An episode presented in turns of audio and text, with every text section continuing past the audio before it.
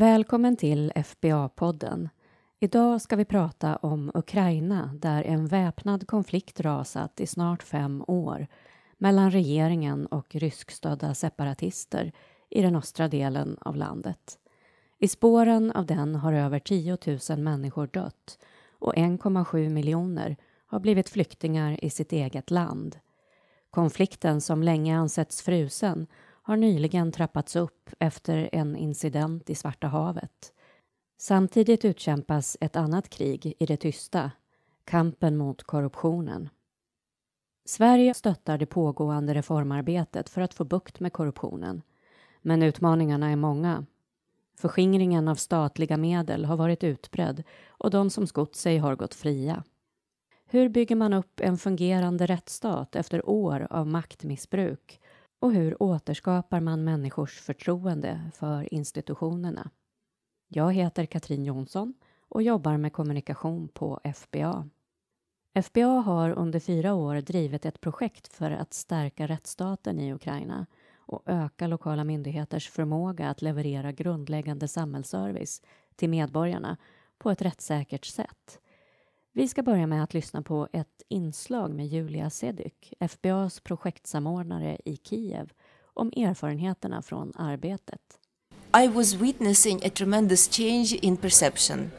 And I'm, you know, very proud that I was part of it because this is a fundamental change, I would say, from the attitude why we talk about rule of law at all uh, to like rule of law you know we know now that rule of law is in our everyday life in our everyday activity and here is everything that we do to increase the transparency here is everything that we can do to increase accessibility Jag har sett en fantastisk förändring av människors attityder och insikter. Från varför pratar vi om det här? till att rättsstatens principer blivit en naturlig del i myndigheternas arbete som bidrar till att förbättra öppenhet och tillgänglighet. Julia Sedyk samordnar FBAs projekt i Ukraina som handlar om att stärka rättssäkerheten i offentlig förvaltning på lokal nivå och öka medborgarnas kunskaper om deras juridiska rättigheter. Jag får en pratstund med henne under ett besök i Stockholm. Hon har varit med sedan starten 2014 och berättar att tanken var att utvärdera kommunernas myndighetsutövning med hjälp av en metod som FBA tagit fram tillsammans med FNs utvecklingsprogram, UNDP, några år tidigare. Det visade sig vara en utmaning. In Ukraine, it was uh, absolutely unusual to put together a rule of law and local self government. During our first meetings with the cities, people were kind of, you know, wondering, not even understanding why we talk about rule of law. Like we are not courts we are not law enforcement we are not police. You know we're locals of govern government we just do our job and like rule of law it's rather justice sector I Ukraina var det ovanligt att jobba med rättsstatsuppbyggnad och kommunalt självstyre, berättar Julia. Alla kände på något sätt till rättsstatens principer men la inte någon större vikt vid dem. På våra första möten med kommunerna ifrågasatte de varför vi pratade om det här. Det är ju sånt som domstolar och polisen håller på med. Vi tillhör ju inte rättsväsendet, sa de. Men varje utmaning rymmer också möjligheter. Idag är våra partners ivriga förespråkare för rättsstatsuppbyggnad och mer insatta än jag kunnat föreställa mig, skrattar Julia. Most of them are now better, much better advocates for the rule of law then I could actually reflect and, and try to describe it. En blandning av 15 små och stora kommuner valdes ut att delta i projektet. För att kvala in skulle de ha ett genuint intresse för att utvecklas och ett ledarskap som förband sig att fullfölja sina åtaganden. Ambitionen var att deras medverkan skulle resultera i något konkret inte bara en flådig rapport i borgmästarens bokhylla, säger Julia. assessment itself shall be resulting in something tangible, not just to be a glamorous book on a bookshelf of a mayor. Kommunerna fick själva välja ett serviceområde som de ville undersöka. Kriteriet var att de lokala myndigheterna var ansvariga för att leverera tjänsten och att de hade direktkontakt med medborgarna i sitt arbete. Så hur har det gått? In the course of uh, this work, we lost a couple of cities due to changes in leadership, but it's inevitable risk. Uh, but also we gained some cities. Vi har tappat några städer längs vägen när den politiska ledningen bytts. Samtidigt har nya städer kommit till, berättar Julia. I början tror jag det fanns en rädsla för att problem skulle uppenbaras, säger hon. De kommuner som var först ut valde därför att titta på relativt enkla områden som folkbokföring. Men allt eftersom blev kommunerna mer modiga och beslutade sig för att granska handläggningen av landrättigheter och byggnadstillstånd. Det är verkligen komplexa frågor som omgärdas av mycket korruption. Så viljan att undersöka hur dessa system fungerar säger en hel del om våra partners öppenhet, säger Julia. It's natural to have some fears that uh, some problems would be discovered. But then we started having like really brave cities. And actually, the first city of Mykolaiv was brave. They selected land issues. That is like really very complex in Ukraine. Some of cities were selecting architecture and construction that is also perceived quite complex due to the permits system, licensing, and uh, widely perceived, let's say, kind of corruption around it, but you know, willingness uh, to assess it, it says a lot already about openness of our partners. Efter fyra år har över 7000 medborgare fått säga hur de upplever att de lokala myndigheterna utför sina uppgifter. Om medborgarna behandlas lika inför lagen, har insyn i de beslut som fattas och kan få sin sak prövad. I varje stad har en rådgivande kommitté bildats som fått i uppdrag att ta fram en handlingsplan för att åtgärda de brister som identifierats. Förutom att utvärderingarna genomförts har representanter för kommunerna erbjudits handledning genom ett samarbete med ett forskningscenter vid universitetet i Kiev, berättar Julia. Bland annat har de fått stöd i hur de kan använda resultatet av undersökningarna för att utveckla både kommunens verksamhet och sin dialog med medborgarna. all these activities uh, they really help to incept the idea of the rule of law in minds of our people learning what, what the rule of law is and uh, learning how to communicate both the results and problems to citizens without becoming defensive and without becoming too patronizing for people as well. Julia berättar att den pågående konflikten i östra Ukraina har påverkat arbetet med rättsstatsuppbyggnad. It's a sort of uh, provided lots of uh, unexpected angles and um, perspectives uh, to what we were doing. Personer som kommer tillbaka från kriget kan ha behov som behöver tillgodoses och ibland kan intressekonflikter uppstå. Bland annat har de som tjänstgjort i armén enligt lag rätt att få en bit land för att kunna försörja sig. Det är en av de frågor som lokala myndigheter måste hitta sätt att hantera. A city that really had very limited land uh, had to figure out how to uh, deal with uh, this group of people uh, so so everyone would be happy, you know, and uh, they found the way. Parallellt med FBAs arbete har en decentraliseringsprocess pågått i landet som innebär att makten flyttats närmare medborgarna. De lokala myndigheternas ansvar har ökat och de har fått större möjligheter att fatta beslut som påverkar lokalsamhället, exempelvis hur kommunens budget ska fördelas. People are empowered now. They have uh, much more uh, possibilities to to operate, to use their budgets. Uh, they have more responsibilities but also more opportunities. And I think uh, that's why this project was so timely. Det var bra timing, tycker Julia. När myndigheterna blir bättre på att leverera tjänster ökar medborgarnas förtroende. På så sätt blir det enklare att förebygga konflikter och medborgarna blir mer delaktiga i samhällsutvecklingen. They see benefits of it in maybe preventing conflict in their societies, in their communities, uh, to increase trust to um, so local self-government. Vid årsskiftet avslutas projektet men Julia är hoppfull om att de kommuner som deltagit kommer att fortsätta ha kontakt för att hjälpa varandra att lösa praktiska frågor i syfte att modernisera verksamheten. They call each other, they talk to each other, they share experience, they share what they learned, and they share very practical things. For example, exchanging information on how they work with their uh, local documents. Uh, they exchange information on how they deal with uh, different problems that they face in day to day operations of administrative services provision centers. Hon betonar att projektet till stor del handlat om filosofiska frågor, inte pengar för att köpa datorer eller bygga servicecenter och att det inte gått att genomföra utan stöd från engagerade kommuner, myndigheter och departement.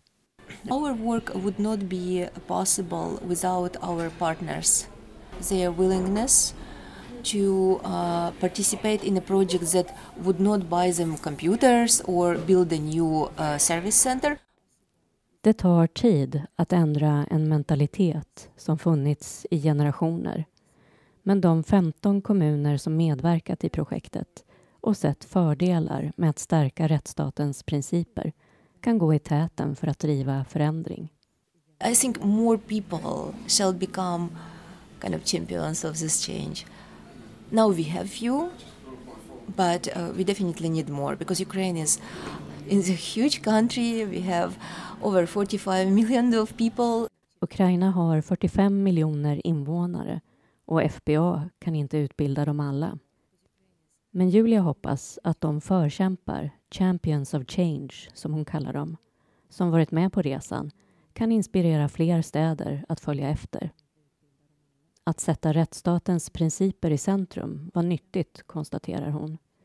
Det har också varit viktigt för att inse att vi inte bara hugger sten utan kanske bygger ett tempel.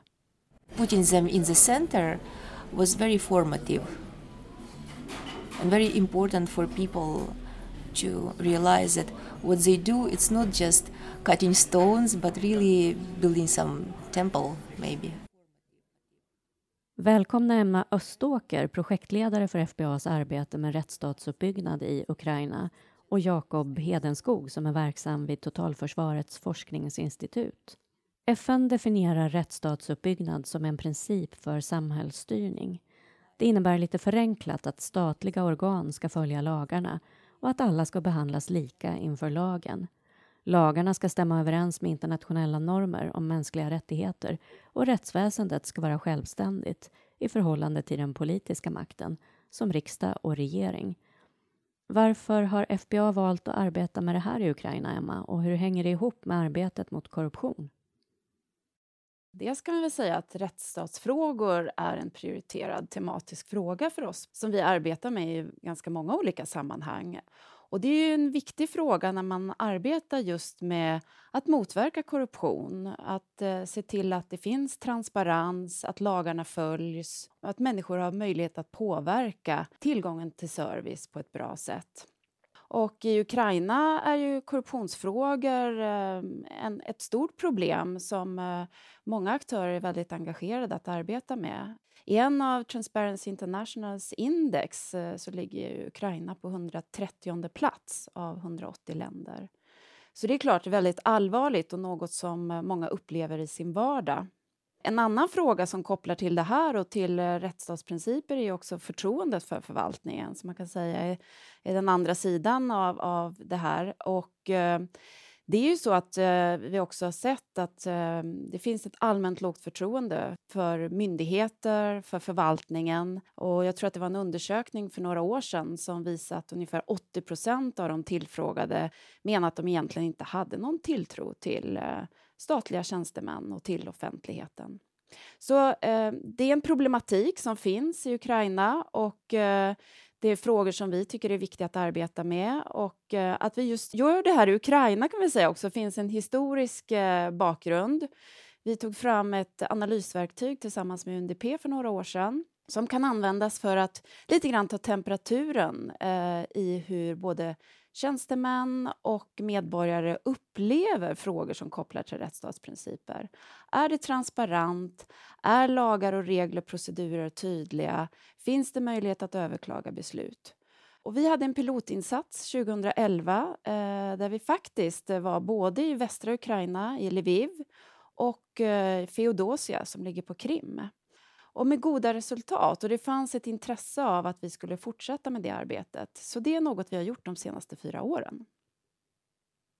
Protesterna på Majdantorget i Kiev för fem år sedan som ledde till att president Viktor Janukovych avsattes hade sin grund i ett folkligt missnöje med den symbios mellan storföretagare, så kallade oligarker, politiker och rättsväsende som präglat Ukraina sedan landet blev självständigt från Ryssland 1991. Jakob, du har tillsammans med din kollega Susanne Oxenstierna skrivit en rapport om Ukrainas ekonomiska reformer som kom ut hösten 2017. Var står Ukraina idag och vart är landet på väg?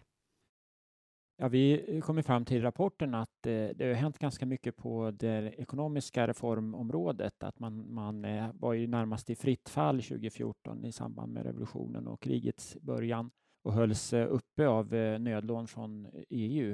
Eh, men sen från 2016 i alla fall så lyckades man stabilisera ekonomin med makroekonomiska reformer och man lyckades tygla inflation och upprätthöll så att säga tempot på den ekonomiska reformsidan. Sen ligger man klart efter på till exempel antikorruption och rättsreformsidan. Där har man inte alls kommit lika långt. Vad det gäller oligarkerna så är det ju fortfarande så att eh, oligarker från innan revolutionen fortfarande håller ett grepp om, om eh, ekonomin och eh, politiska makten är fortfarande beroende av oligarkerna. Sen har det kommit nya oligarker som vuxit upp så att säga efter revolutionen som i skuggan av den nuvarande presidenten Poroshenko som också är en, en, en mäktig affärsman. Så att oligarksystemet har så att säga inte rubbats utan det har fått lite nya former men överlevt eh, och transformerat sig själv till den nya situationen där de nuvarande politikerna är, är beroende av oligarkerna precis som de tidigare var. Ukrainas nuvarande president Petro Poroshenko som tillträdde 2014 är själv en inflytelserik affärsman med intressen i en mängd branscher, från sjöfart till chokladtillverkning och han rankas som landets sjätte rikaste person. Han äger dessutom en egen tv-kanal. Hur påverkar det här arbetet mot korruption? Poroshenko lovade ju att han skulle sälja sitt affärsinnehav bortsett från den här tv-kanalen, kanal 5, då, men det har inte, de löftena har inte infriats. Och eh, han har också sagt att anti, eh, anti-oligarkpolitik ska vara en av liksom, de viktigaste reformerna och det är inte heller så att säga infriats då. Så att, eh, det är väl bara att inse att han är inte den rätte personen att eh, bekämpa oligarksystemet eftersom han själv är en, en, en mäktig oligark. Och det finns gamla lojaliteter som är svåra att bryta. Man behöver goda relationer med presidenten eh, för att komma, ha tillgång till så att säga, politisk eh, och ekonomisk makt och inflytande i parlamentet. Så att det är väldigt svårt att, att bryta den här onda cirkeln som Ukraina är med i. De här oligarkerna vill ju inte så att säga, reformera ett system som de själva, hela deras existens är beroende av. Så att det här systemet kommer förmodligen att, att transformera sig självt och överleva för ganska lång tid framöver. Så länge som vi inte har ett reformerat rättssystem och eh, okorrumperade domstolar och så vidare. Den ukrainska statsförvaltningen genomgår sedan några år en omfattande reformering som innebär att statlig verksamhet decentraliseras till kommunerna. Vad är det man vill åstadkomma? Ja, man kan väl säga att det här är som en, en reaktion mot en eh, väldigt eh, stark eh, koncentration av politisk makt centralt sedan lång tid tillbaka i Ukraina. Och att man nu vill få ut både beslutsfattande och Eh, även naturligtvis service eh, till medborgarna och att det ska finnas möjligheter för alla ukrainare att ha tillgång till det. Så att eh, reformen omfattar ju flera saker. Det handlar ju både om naturligtvis att delegera beslutanderätt till lokala församlingar men även möjligheten till skatteuppbörd lokalt som också har skapat möjligheter för beslutsfattare att också få finansiella möjligheter till att göra förbättringar. Sen pågår ju också då en, en mer eh, geografisk förändring så tillvida att det också pågår en reform som handlar om att man slår ihop små kommuner till större enheter. Eh, så att det, det, är många parallella processer som pågår kopplat till decentraliseringsreformen. Och den har ju varit en central del av den övergripande reformagendan under flera år och något som vi också försöker koppla till i det arbetet som vi gör med lokalförvaltningar och deras arbete med att också förbättra sin service, nå ut till medborgare. Och vad tycker folk om den här decentraliseringsprocessen? Ja, det finns säkert olika åsikter om den. Eh, jag tror en, en ehm, ganska allmänt förekommande uppfattning eh, i den typen av sammanhang där jag är att det är en ganska lyckad reform ändå och att det finns eh, eh tydliga exempel på att den också ger eh, visuella resultat. Man bygger upp servicecenter i kommuner som tidigare inte haft den typen av tillgång till eh, service eh, på lokal nivå. Och sen som jag nämnde också, möjligheten till skatteuppbörd har naturligtvis också påverkat mycket lokalt i vad man kan göra. Sverige är en av Ukrainas största givare. Det bilaterala biståndet uppgår till 230 miljoner kronor årligen och har fokus på demokrati och mänskliga rättigheter. Bland annat bidrar Sverige med expertrådgivning och utbildning för att stötta decentraliseringsreformen. Varför är det här så viktigt, Jakob? Ja, decentraliseringsreformen är ju oerhört viktig för Ukrainas demokratisering och modernisering och stärka kommunernas ställning så att skapa effektiv förvaltning som bygger på rättssäkerhet. Eh, sen är den här reformen, den är ju tudelad. Det, det sammanslagningar som Emma berättade om på kommunal nivå, det är ju så att säga gräsrotsinitiativ där man har gett eh, de lokala myndigheterna att själva slå ihop sig med andra lokala eh, myndigheter eh, och regioner. Men det kräver en, en grundlagsändring för att få det här att, att verka fullt ut. Och det har man inte lyckats åstadkomma av politiska låsningar i, i Kiev. så att det, det, är oklart idag att se hur det här liksom på riksnivå ska kunna fullbordas utan att eh, man lyckas med den här eh, grundlagsändringen. Och det beror på att den är kopplad till eh, eh, den här frågan om särskild status för de ockuperade territorierna och det är en väldigt kontroversiell fråga som har rivit upp många, många sår så att säga, i ukrainsk politik. Reformarbetet möter också motstånd de rättsvårdande och brottsbekämpande myndigheterna är svaga och betraktas som korrumperade. Samtidigt har Ukraina trots allt vidtagit ett antal åtgärder för att bekämpa korruptionen. Vad har gjorts hittills?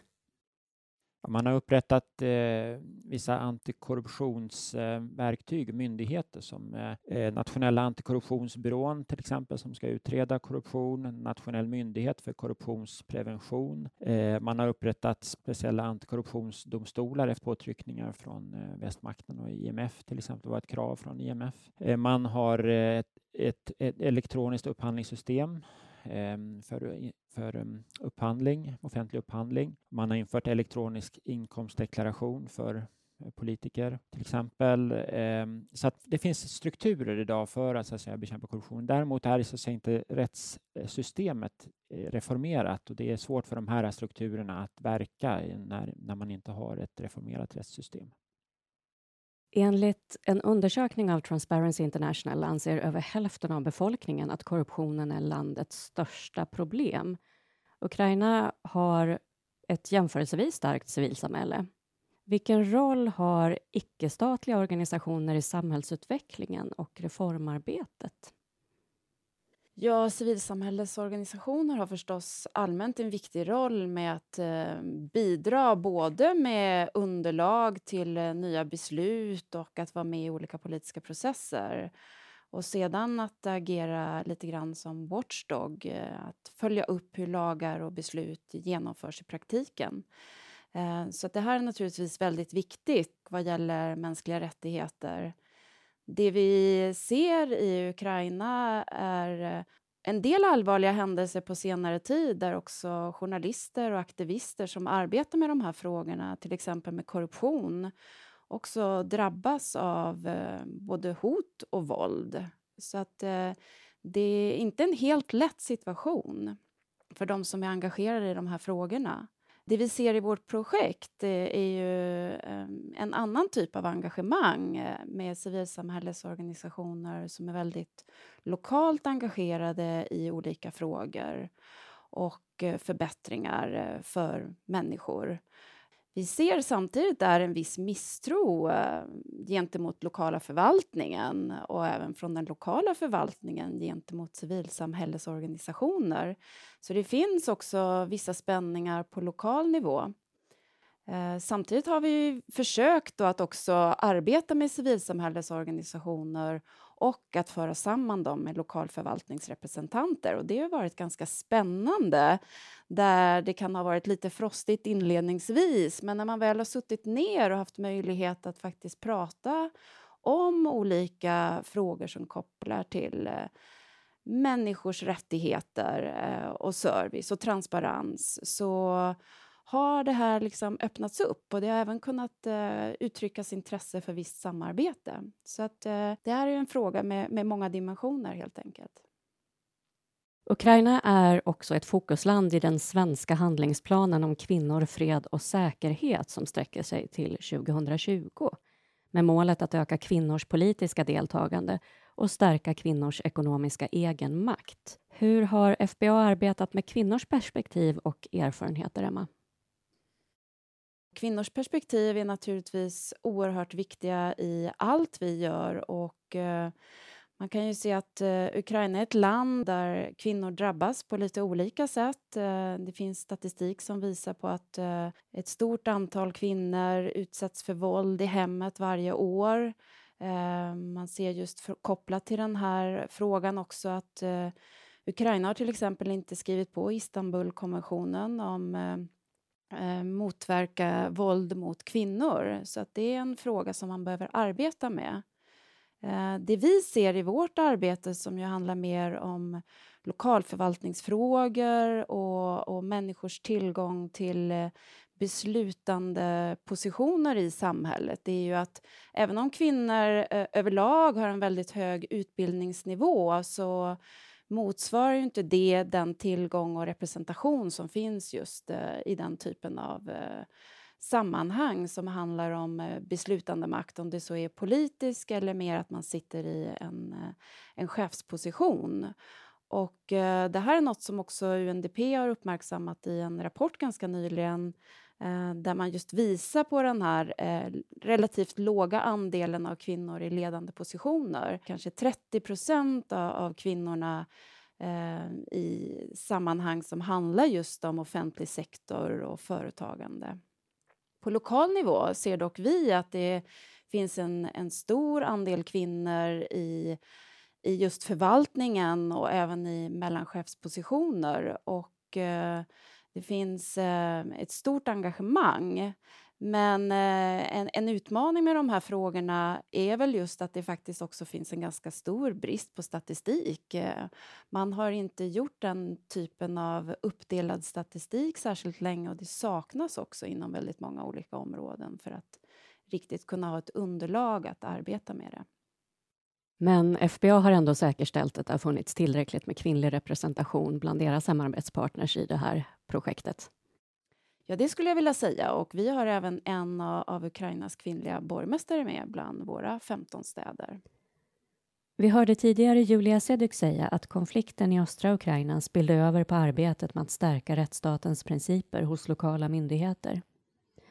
Jakob, hur skulle du säga att den ryska aggressionen och säkerhetsläget i de konfliktdrabbade delarna inverkar på resten av landet? Hänger kriget och problemen med korruption rent av ihop?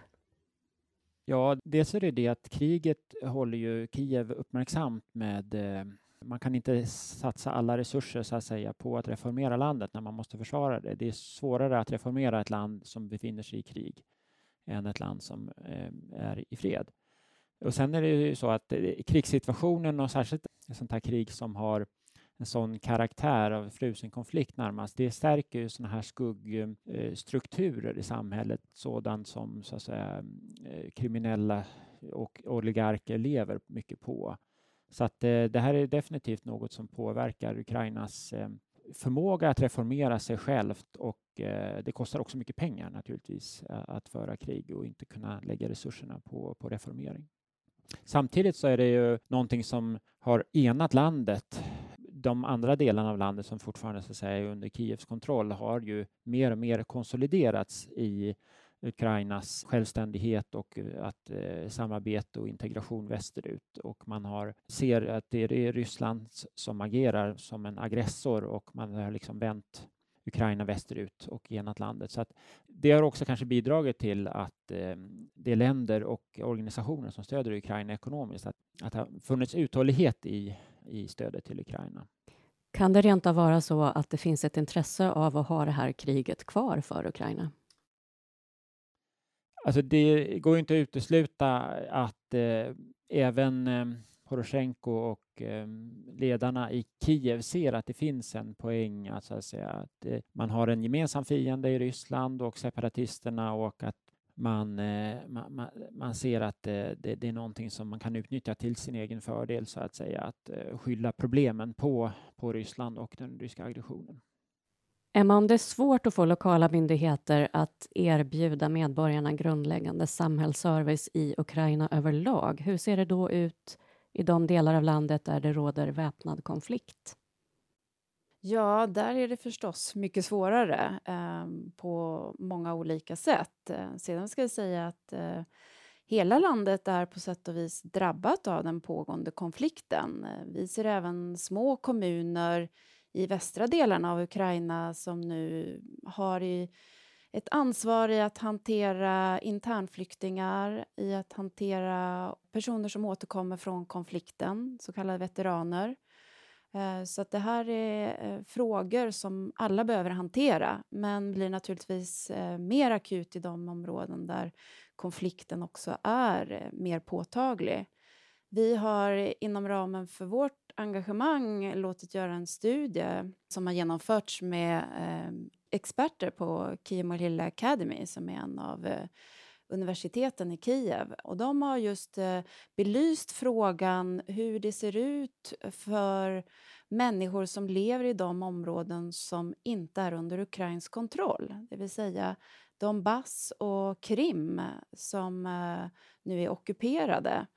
Och eh, vad har de för rättigheter och hur ser möjligheterna ut när det gäller service? Och grundläggande frågor som handlar om att eh, civil registrering, folkbokföring av eh, människor som föds men också människor som dör, att få pass eh, och liknande. Det handlar även om tillgång till sociala rättigheter som pensioner överlag så påverkar konflikten det här väldigt mycket. Det blir oerhört mycket mer komplext, eh, både i juridiska termer men också rent praktiskt för människor som behöver korsa kontaktlinjen för att eh, komma i kontakt med myndigheter och få service. I mars 2019 ska Ukraina hålla presidentval. Det blir det sjunde sedan självständigheten. Och sen under året ska även parlamentsval genomföras. Vad kan vi förvänta oss, Jakob?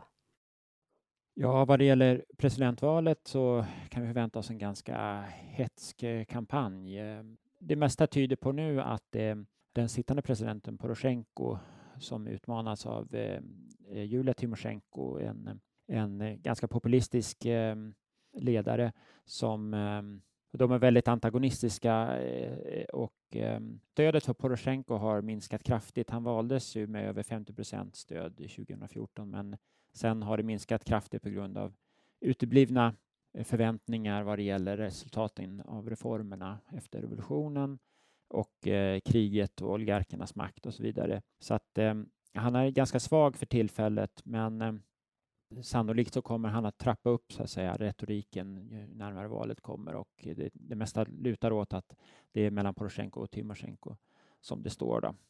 Sen vad det gäller parlamentsvalet så är det först en senare fråga, men eh, den nationalistiska retoriken har ökat, det märker man, och eh, nationalistiska, extremnationalistiska grupper demonstrerar ganska regelbundet i Kiev och även i andra städer. Så det finns eh, uppenbart någon form av stöd som kanske inte riktigt visar sig i opinionsmätningarna än så länge. Emma, vid årsskiftet sätter FBA punkt för den här fasen av arbetet med rättsstatsuppbyggnad i Ukraina. Vad vill du ge för ord på vägen till de Champions of Change som har varit med på resan och kämpar för förändring? Vi hoppas ju dels att man lokalt fortsätter sitt goda arbete eh, men också att en del av de eh, förslag som nu har tagits fram eh, av ukrainska experter med lokal förankring eh, faktiskt får gehör i eh, parlamentet så att det också förutsättningarna Eh, för att kunna arbeta med de här frågorna förbättras. Ehm, sen tänker väl vi också att eh, under nästa år att vi naturligtvis kommer beakta det som ehm, nu eh, många kommuner påverkas av, det vill säga det vi nämnde nyss kring konflikten. Både vad gäller internflyktingar, möjligen veteraner, alltså frågor som har dykt upp för lokalförvaltningen och hur man på ett bra sätt kan eh, tillhandahålla service och svara på de här nya utmaningarna. Så det är ett spännande arbete framför oss. Hur ser du på Ukrainas framtid, Jakob? Jag hoppas naturligtvis att det kommer att gå bra. Det finns stora utmaningar, kan man lätt säga det, både politiska, ekonomiska och eh, inte minst då från eh, den ryska aggressionen. Men det är väl så att utan att reformera sig så kommer Eh, Ukraina aldrig klara att stå emot heller den, den, ryska aggressionen i östra delen av landet, utan det handlar om att man måste göra sitt hemarbete med hjälp av stöd utifrån att reformera sitt land för att skapa ett land som är attraktivt att leva i för de som bor där så att de inte flyttar ut utomlands, eh, vilket är en stor det är ett stort problem just nu. Det är många som, som flyr landet helt enkelt för att söka sig en bättre framtid någon annanstans. Man behöver sitt folk och sina ungdomar, sin framtid i landet.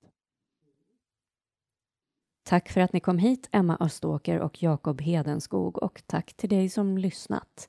Vill du veta mer om vårt arbete hittar du oss på www.fba.se och i sociala medier.